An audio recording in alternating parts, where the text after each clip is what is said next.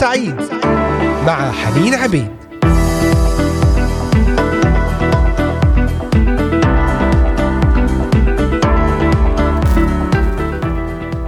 أهلا وسهلا بكم أحبائي المستمعين والمتابعين في هذا اللقاء الجديد. من برنامج نهاركم سعيد. اليوم الأربعاء الثامن والعشرين من شهر فبراير شباط عام 2024 معكم حنين عبيد على الهواء مباشرة من هنا من إذاعة صوت الأمل من الأراضي المقدسة. أجمل وأطيب التحيات لكم أينما كنتم تتابعوننا وتستمعون إلينا من مختلف بلدان الشرق الأوسط بلدان أوروبا كندا أمريكا أستراليا. بإمكانكم الاستماع للبث المباشر من خلال قناة اليوتيوب إذاعة صوت الأمل وأيضا على تطبيقات الهواتف النقالة Voice of Hope Middle East وعلى موقعنا الرسمي voiceofhope.com وتواصلوا معنا واكتبوا إلينا بتعليقات ومشاركات أفكار وطلبات الصلاة على صفحة الفيسبوك إذاعة صوت الأمل. وأيضا على منصتي التليجرام والإنستغرام Voice of Hope. كذلك بإمكانكم الاستماع إلى حلقات برامجنا على منصتي بوكيت كاست وسبوتيفاي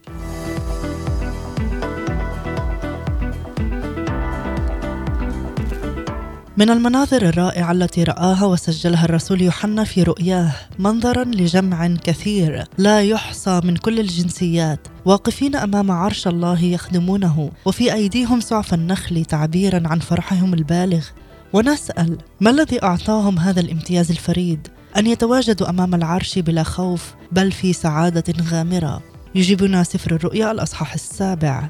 هؤلاء هم الذين غسلوا ثيابهم وبيضوا ثيابهم في دم الخروف أي في دم الرب يسوع. من أجل ذلك هم أمام عرش الله. إن سبب نوال هؤلاء هذا الامتياز العظيم أن يتواجدوا أمام العرش هو أنهم غسلوا ثيابهم في الدم لتصير بيضاء وكثيرا ما استخدمت كلمة الله الثياب للتعبير عن مظهر الإنسان في عيني الله.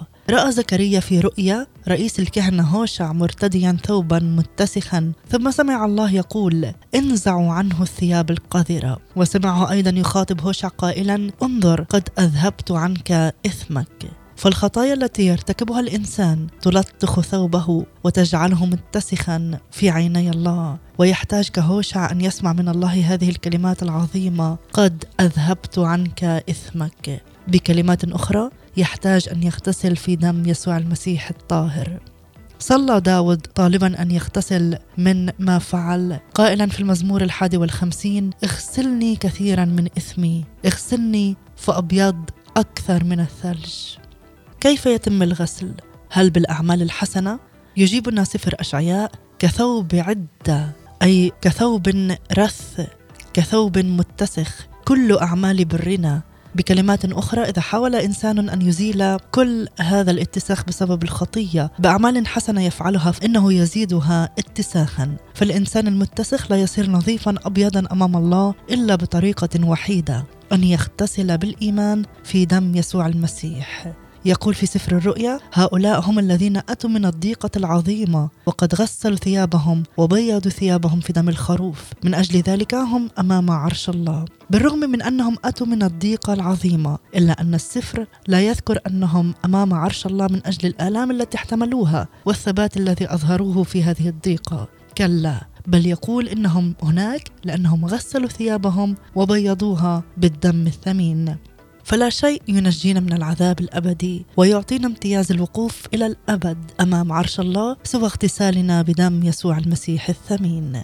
عزيزي المستمع إن كنت تريد أن تواجه الموت بطمأنينة كاملة وبثقة أنك ذاهب لتكون مع المسيح ولتقضي الابديه كلها أمام عرش الله فلتكن متيقنا أنك قد اغتسلت بدم الرب يسوع المسيح الذي سال من أجلك على الصليب.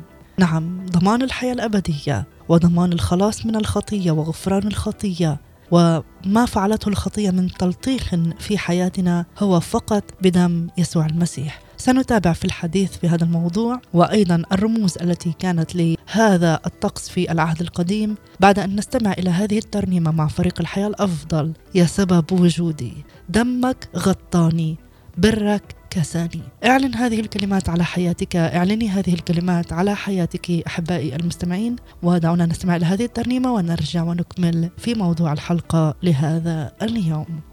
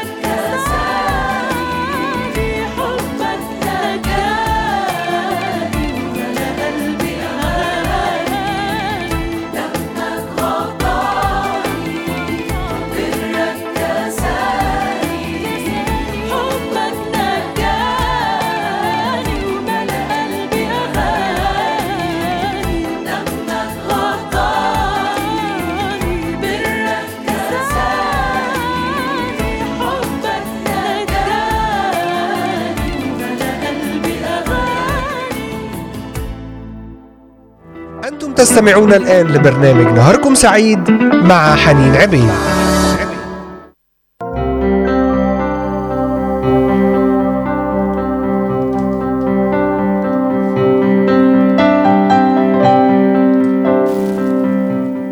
دمك غطاني ونتحدث في هذه الحلقة عن دم يسوع المسيح.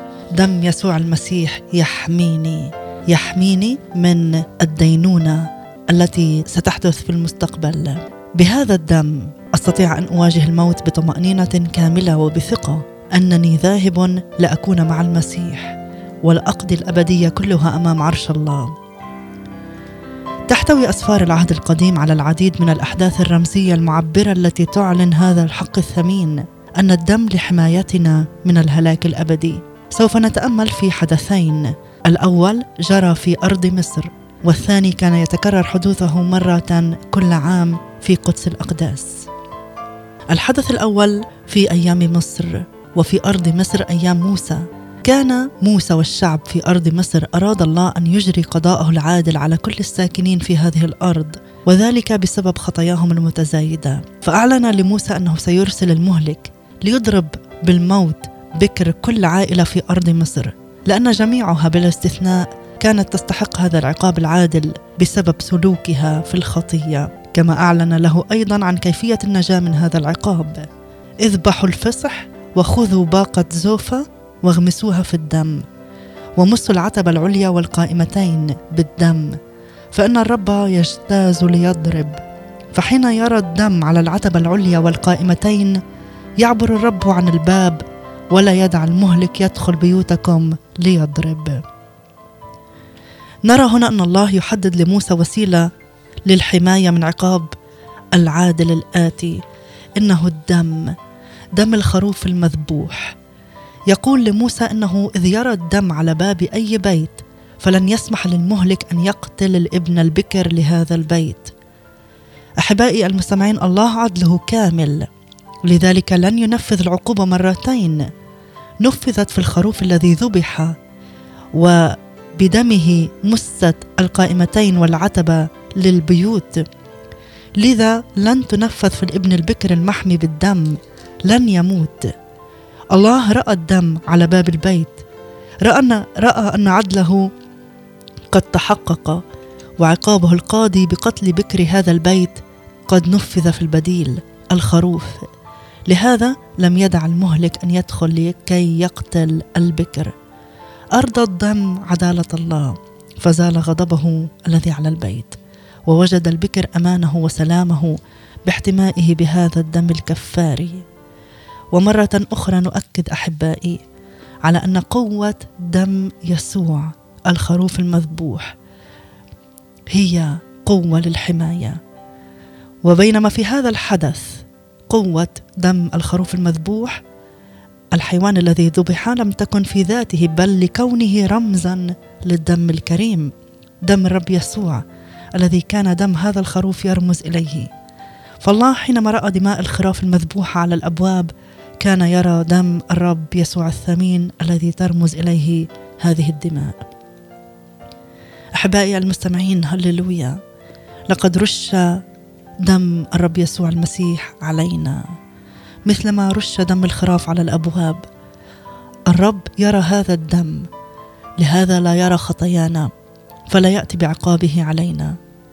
قال في سفر الخروج للشعب أرى الدم وأعبر عنكم. نعم دم يسوع المسيح له القدرة بل كل القدرة أن يحجب خطايانا عن عيني الله. كونوا متيقنين أحبائي أن الدم يحميكم من دينونة الله العادلة على الخطية وينجيكم من العذاب الأبدي.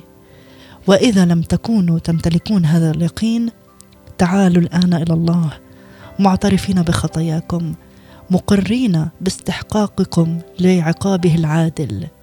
ولكن في ذات الوقت مؤمنين بالدم الثمين أنه كفارة للخطايا. سفك هذا الدم لحمايتكم من العقاب.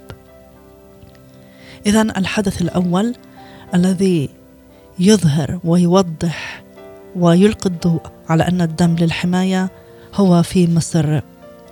أما الحدث الثاني الذي ارتبط بالدم فهو كان يتكرر مرة كل عام في يوم الكفارة. ماذا عن هذا الحدث؟ سنتحدث أكثر بعد الفاصل مع فريق السفراء محلى السجود أمامك. يلي دفعت في أغلى الأثمان. دفعت أغلى الأثمان يا رب يسوع على الصليب بسفكك الدم الثمين. فاصل ونعود ونكمل وإياكم.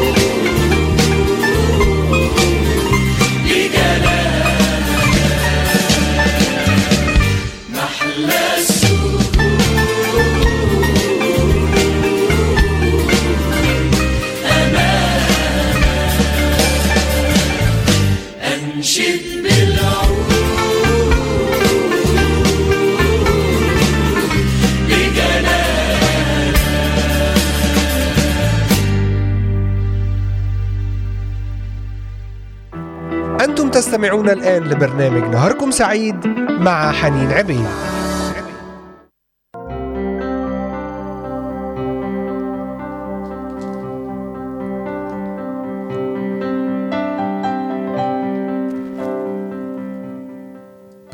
حدث هام كان يتكرر مرة كل عام في يوم الكفارة في حياة شعب الله في العهد القديم. هذا الحدث يغص يخص غطاء تابوت العهد الذي كان موضوعا داخل قدس الأقداس موضع حضور الله حيث كان رئيس الكهنة يدخل إلى قدس الأقداس مرة كل عام في يوم الكفارة ليرش الدم على الغطاء. كان يقف فوق هذا الغطاء على طرفيه تمثالا كروب يظللان الغطاء بأجنحتهما المنبسطة وهما ينظران إليه. الكروب هو مخلوق ملائكي يتحدث عن قوة الله في إتمام أحكامه. فبعد أن طرد الله آدم وحواء من جنة عدن بسبب سقوطهما أقام الكروبيم عند باب الجنة ليمنعوا آدم وحواء ونسلهما من الدخول ومعهم سيف نار متقلب. لكنهما كانا يقفان فوق الغطاء بلا سيف. لم يكن وجودهما هناك كما كان عند باب جنة عدن ليمنعا الإنسان من الاقتراب إلى محضر الله. لم يكونا هناك لينفذا العقاب عليه أو على الشعب بسبب كسرهم لوصايا الله مع أن أسفل الغطاء في داخل التابوت كان يوجد لوحا الوصايا العشر التي تشهد عن كسرهم لها. كانا بلا سيف لأنهما كانا ينظران إلى الدم المرشوش على الغطاء الذي حجب عنهما رؤية لوحي الوصايا التي كسرها الشعب. نعم بسبب الدم على الغطاء لم يعد مع الكروبيم سيف القضاء الناري ليوجهها إلى رئيس الكهنة أو الشعب. تحولا من تنفيذ القضاء تنفيذ قضاء الله بمعاقبة الخطاة إلى الترحيب بهم في بيته وتضليلهم بأجنحتهما. يقول داود لله لأسكنن في مسكنك إلى الدهور أحتمي بستر جناحيك. ويا له من تحول بسبب الدم ويا له من رمز بديع للتحول الذي حدث معنا بسبب دم يسوع الثمين الذي رش في السماء لأجلنا. فبسبب هذا الدم لم نعد نخاف من التقدم إلى عرش الله أو نخشى الكروبيم. يا لهذا التحول العظيم من الخوف إلى الأمان بسبب دم يسوع المسيح. لم يعد الكروبيم مرعبا لنا. يمنعنا من الدخول إلى مسكن الله في السماء. بل يرحب بنا. هللويا. لن نرى العذاب الأبدي. لن نرى ابدا السيف النار المتقلب. السماء ترحب بنا دائما بسبب دم يسوع المسيح. عزيزي المستمع وعزيزتي المستمعة إن كنتم قد وضعتم ثقتكم في دم يسوع المسيح للحماية من الهلاك الأبدي فلترددوا الآن بإيمان. دم مخلصي سفك لأجلي أنا. لهذا لن يأتي علي سيف قضاء الله كما على الخطاه الدم الثمين يعلن أن السيف أتى على مخلصي يسوع بدلا مني. لن أذهب إلى العذاب الأبدي. لي حياة أبدية. آمين آمين. اذا أحبائي في دم يسوع المسيح لنا حماية لنا حماية من القضاء من السيف المتقلب ولنا ثقة بالدخول إلى عرش الله ولنا حماية من الضمير الشرير. هذا الضمير الذي يؤذي صاحبه أشد الأذى ولهذا سمي بالضمير الشرير. ونشرح هذا بمثل بسيط عندما يكون شخص مستعبد لخطية معينة كلما عزم أن يأتي إلى محضر الله ليتحدث معه مصليا أو ليسبح امتلكته فكرة أن حالته تمنعه من الاقتراب إلى الله أو نوال احسانه لأنه غير مستحق لذلك. هذه فكرة مؤذية شريرة تمنعه من أن يتقدم بثقة إلى الله. فكرة شريرة لأنها تمنعه من التواجد في محضر الله مصدر القوة والانتصار على الخطية. إنها فكرة تنبع من ضمير الشرير المثقل بالإحساس بالذنب. وكيف نحمي أنفسنا من أفكار هذا الضمير الشرير المؤذي؟ إنه بالثقة بالدم الثمين. لنضع كلمات رسالة العبرانيين التي تحثنا أن نتقدم إلى عرش الله مهما كانت حالتنا. نضع هذه الكلمات أمام أعيننا. فلنتقدم بثقة بمعنى بجرأة إلى عرش النعمة لكي ننال رحمة ونجد نعمة عونا في حينه. هذه الرسالة تدعونا في كل حالاتنا أن نتقدم بجرأة بلا خوف إلى عرش الله. تدعونا أن نصد الأفكار أفكار ضمير الشرير بإعلان ثقتنا في الدم.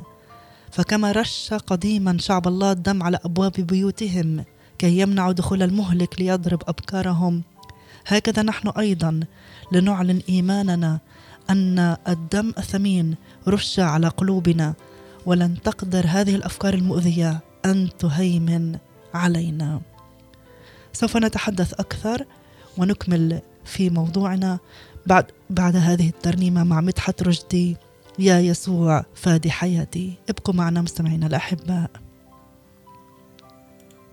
يا يا يسوع حبيبي فادي حياتي وسيدي المجيد يا يا يا يسوع تهليلي يا قوتي يا مخلص المجيد يا يا يسوع حبيبي فادي حياتي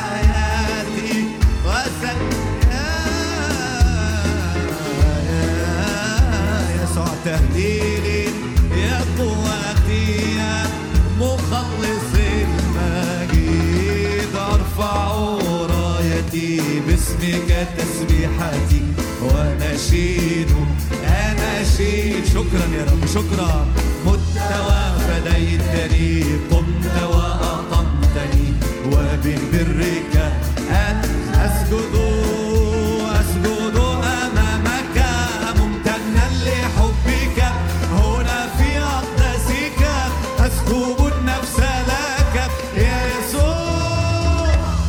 احبك رفيعا صليبك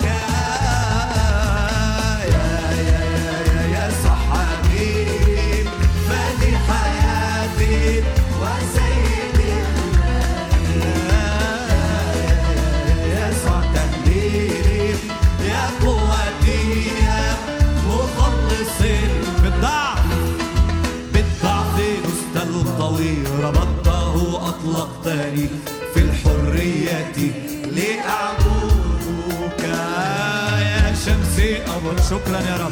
بجرحك شفيتني يا عزي. أشهد في الليل والنهار في الليل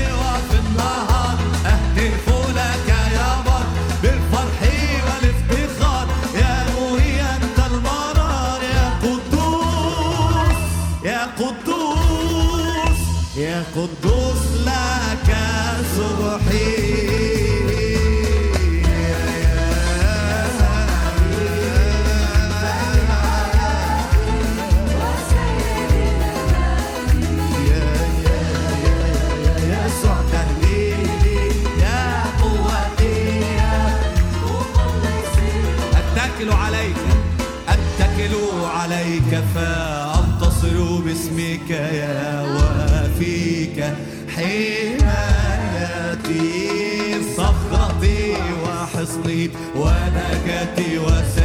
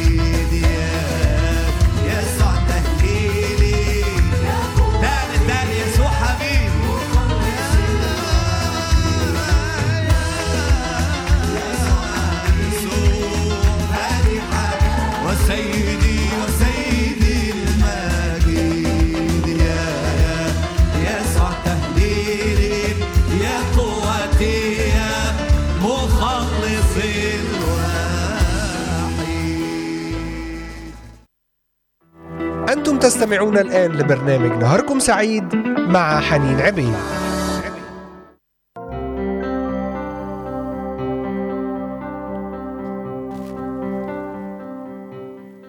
يا يسوع تهليلي مخلص الوحيد. هو خلصنا ورش دمه الثمين علينا لحظات ميلادنا الثاني. ومنذ هذا الوقت صرنا طاهرين أمام الله. لذلك صار بمقدورنا أن ندخل إلى عرشه في أي وقت لأنه دائما سيرانا طاهرين. لن يرى خطايانا. ولا تنسوا أحبائي المستمعين ابدا كلمات الرب يسوع الواضحة. يقول في إنجيل يوحنا الأصحاح الثالث عشر الذي اغتسل بالدم لحظة الميلاد الثاني. الذي اغتسل ليس له حاجة إلا لغسل رجليه بل هو طاهر كله.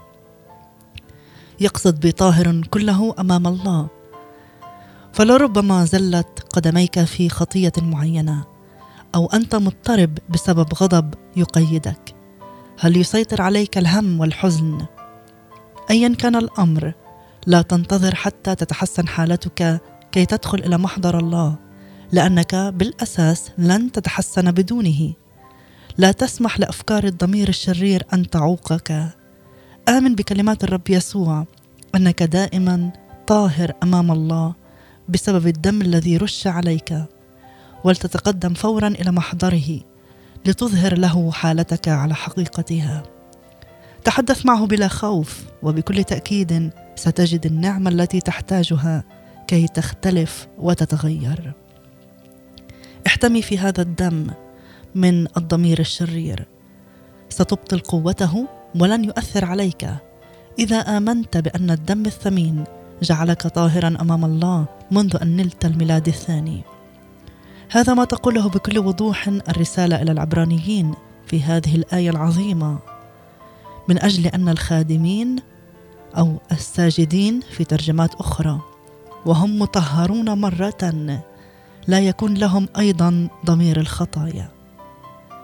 يقول مرة مرة واحدة فالمؤمن الساجد تطهر من خطاياه وقت ميلاده الثاني مرة واحدة لا تتكرر.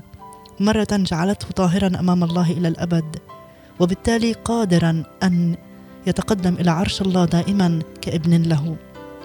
فإذا أدرك المؤمن هذا الحق وآمن به لن يعود هناك مكانا للضمير الشرير كي يؤذيه. ولاحظ أن الآية السابقة تصف هذا الضمير بأنه ضمير خطايا لأنه ضمير يذكر الإنسان بخطاياه ليضع عليه ثقل الإحساس بالذنب. عزيزي المستمع اتخذ هذا الموقف الحاسم رفض الضمير الشرير. قل لذاتك الدم قد رش علي وطهرني. الله يراني نظيفا نقيا ولا يرى خطاياي. لا أتقدم إلى عرشه بجرأة وبلا خوف. أحبائي المستمعين لنوضح نقطة هنا أن معنى ذلك أن الله لا يرى خطايا المؤمنين بالمعنى المطلق. إنه بسبب الدم لا يراها باعتباره الإله القدوس العادل الذي يعاقب الخطاه بالهلاك الأبدي ويمنعهم من التواجد في محضره. لكنه يرى خطايا المؤمنين باعتباره أب لهم يريدهم أن يشاركوه قداسته لذا يؤدبهم حتى يرفضوها. وماذا يفعل المؤمن كي يرفع عنه هذا التأديب؟ عليه أن يتقدم إلى عرش الله بثقة وبجرأة دون أي خوف من دينونته لأنه واثق أنه طاهر أمام الله بسبب الدم الثمين. فالعرش لن يكون عرش دينونة بل عرش نعمة يقدم له كل نعمة كل نعمة يحتاجها كي يمتلك بغضة حقيقية للخطية ومقاومة جادة لها. فلا يعود للتأديب ضروره اذا رأينا في الدم الثمين دم يسوع المسيح حماية من دينونة الله وأيضا حماية من الضمير الشرير ضمير الخطية وثالثا لنا حماية من إبليس. تجزم كلمة الله أن إبليس يعمل في غير المؤمنين الذين لم يطهروا بالدم الثمين. إذ تقول رسالة أفسس رئيس سلطان الهواء الذي يعمل الآن في أبناء المعصية. ماذا عن هذه النقطة؟ سنتابع في الحديث بعد الترنيمة مع فريق صدى صوت يرويني يسوع بحنانك. نشكرك يا رب لأجل حنانك ومحبتك لنا وغفرانك لأجلنا من خلال دمك المسفوك على الصليب. فاصل ونعود ونكمل وإياكم أحبائي.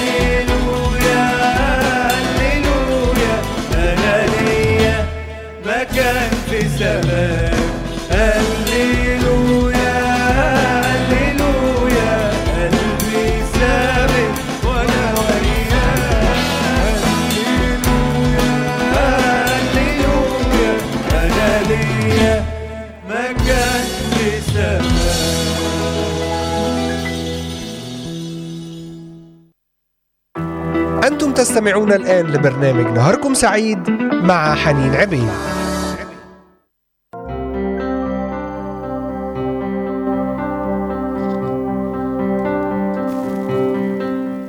هللويا هللويا. أنا لي مكان في سماك دم الرب يسوع المسيح يحميني من القضاء الإلهي. دم الرب يسوع المسيح يعطيني حياة أبدية ويحمينا أيضا من إبليس. إبليس يعمل في غير المؤمنين مستخدما في هذا الجيش الأرواح الشريرة متنوعة التخصص التابعة له. ما الذي أعطاه هذا الحق عليهم؟ تقول الآية في رسالة أفسس الأصحاح الثاني. رئيس سلطان الهواء الذي يعمل الآن في أبناء المعصية. عصوا الله بخطاياهم. فاستمروا مفصولين عنه وبالتالي بلا قوة سقطوا فريسة سهلة في يد إبليس الذي أحكم قبضته عليهم.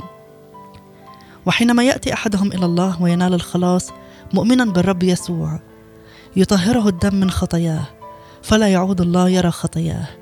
زال هذا الحاجز الذي كان يقف بينه وبين الله.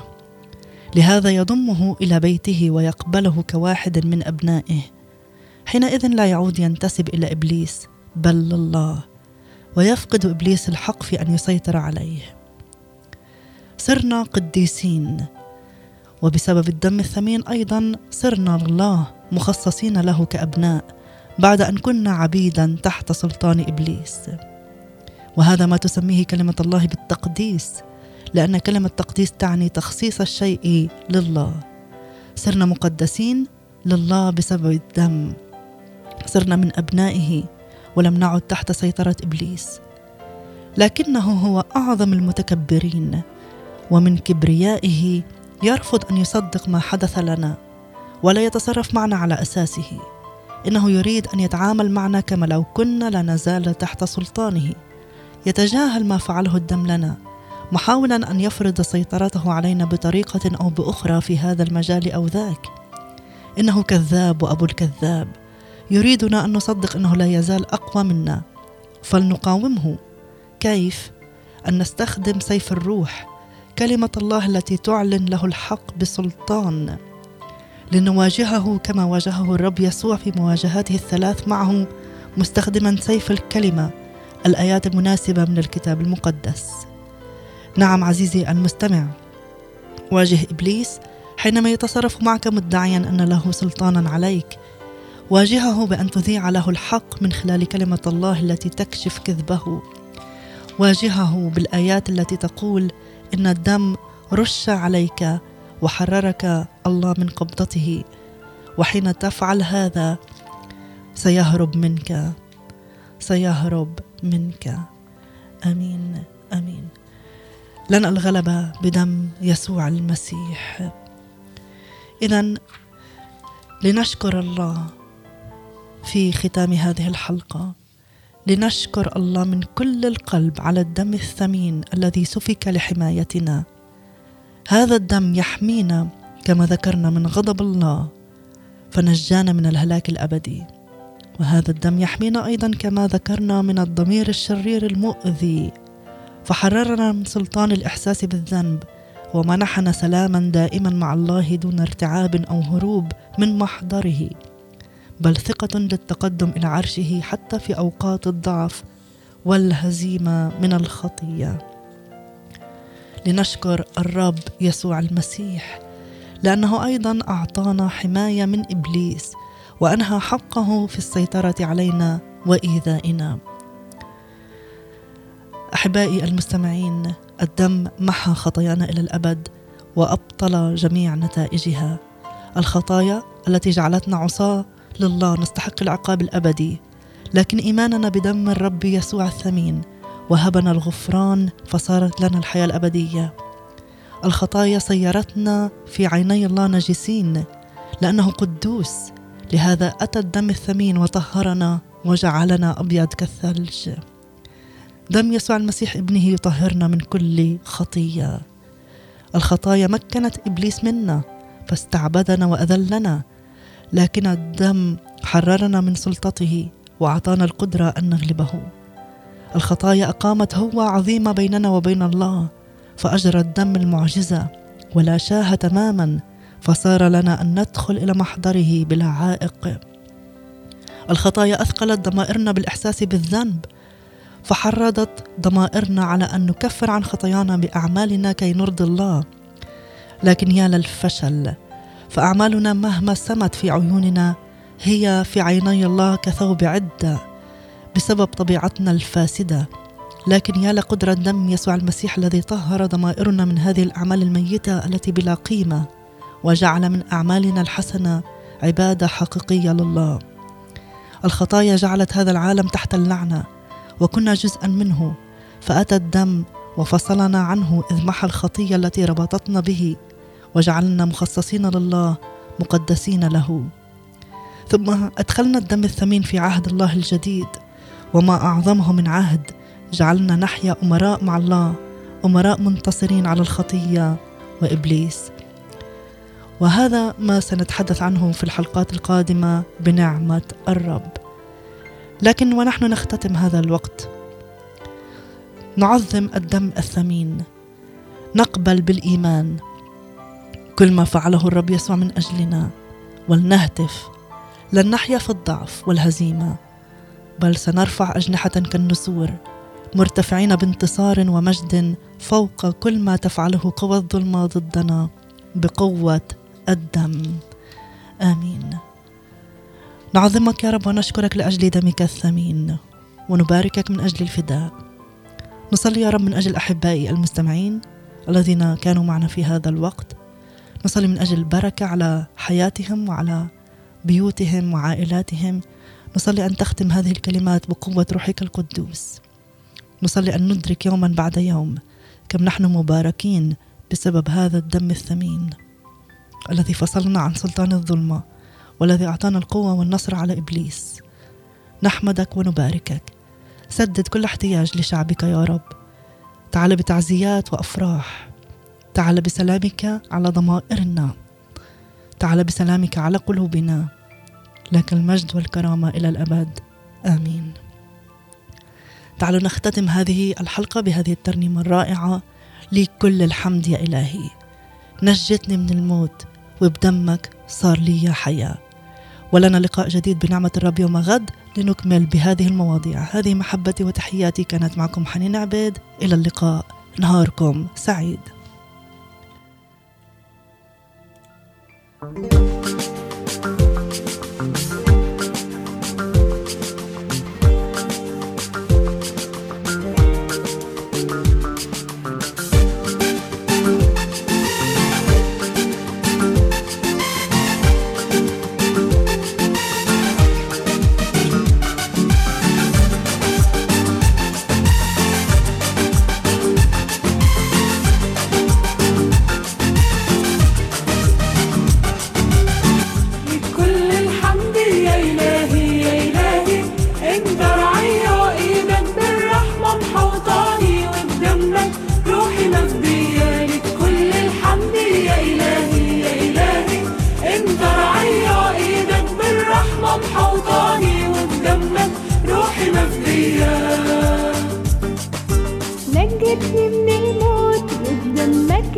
ادتني حياة وملت قلبي بحب وسلام للمنتهى نجتني من